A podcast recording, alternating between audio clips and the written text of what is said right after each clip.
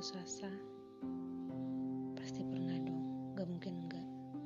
Karena hal tersebut manusiawi banget, termasuk juga aku. Hal yang membuatku putus asa adalah saat aku melakukan live IG. Jangan diketawain loh, ini serius.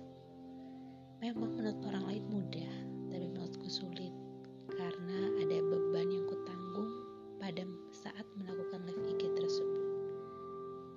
Kalau nggak ada bebanmu mungkin ya cuek-cuek aja akunya. Yang terjadi saat itu adalah HP ku tuh blank ada suara, gak ada gambar. Dan tahu aku sedang menginterview siapa di live IG tersebut? Babehnya para podcaster. Gak mungkin dong aku tiba-tiba wait dari IG dan masa iya harus ngulang lagi. Gak lucu kan? Dan yang terjadi adalah aku menangis sejadi-jadinya setelah melakukan live IG tersebut. Kok bisa nangis?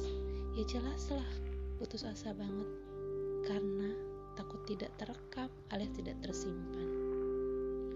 Dan pada waktu itu pun aku langsung telepon seniorku sambil bilang, Bang, gimana? Kayaknya gak kerekam deh. Gimana dong? Seniorku jawab apa? Tenang mbak, ntar kita bantuin.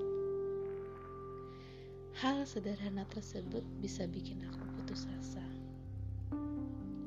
Tapi tidak hanya hal tersebut saja yang membuatku putus asa banyak hal lain termasuk juga kalian di sana.